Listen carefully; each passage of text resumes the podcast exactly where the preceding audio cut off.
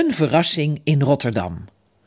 Nadat ze afscheid hebben genomen van Odilia de olifant, varen ze weer terug naar Rotterdam. Het is een hele lange reis.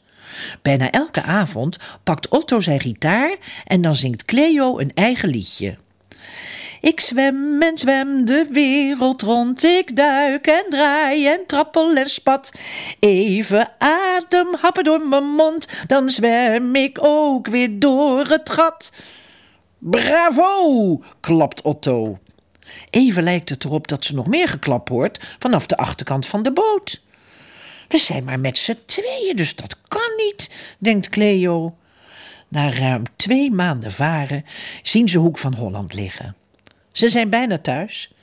Er vliegt een duif boven de boot en Otto geeft hem een briefje mee. Wat was dat? vraagt Cleo. Oom Otto antwoordt niet. Hij glimlacht en geeft Cleo een knipoog. In Rotterdam gaan ze bij de boompjeskade aan wal. Cleo hoort veel voetstappen achter zich en draait zich om. Verrassing! Verrassing! klinkt het in koor. Weer thuis met familie en vrienden. Ze zijn er allemaal. Hadil de haai, Santos de schildpad, Priya piranha, Zelo de zeeleeuw en zelfs Odilia de olifant. Wat doen jullie hier? vraagt Cleo verbaasd. We zijn megazebommen of megavaren achterop de boot, zegt Odilia.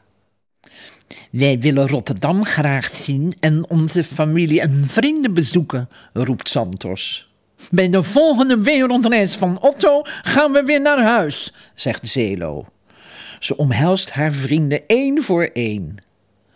Namens ons allemaal krijg je nog een zwamdiploma cadeautje, zegt Hadil de haai. Cleo maakt het kleine pakje open. Een gouden munt met de Erasmusbrug erop, zegt ze blij.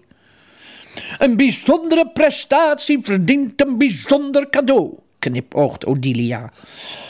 Cleo de Otter, wat ben ik blij om jou weer te zien, hoort ze de stem van haar moeder zeggen. Ze draait zich om en rent naar haar ouders. Ze vertelt over haar avonturen en laat haar zwemdiploma's, medailles en gouden munt zien.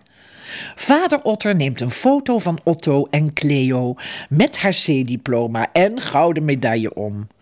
Daarna vraagt ze of ze met haar vrienden op de foto mag. Ze is zo blij dat iedereen er is. Maar dan bedenkt ze zich dat ze haar zusje Carlijn nog niet heeft gezien. Op datzelfde moment kruipt een kleine otter in een keukenkastje op de boot van Otto. En zo begint er weer een nieuw zwemlesavontuur.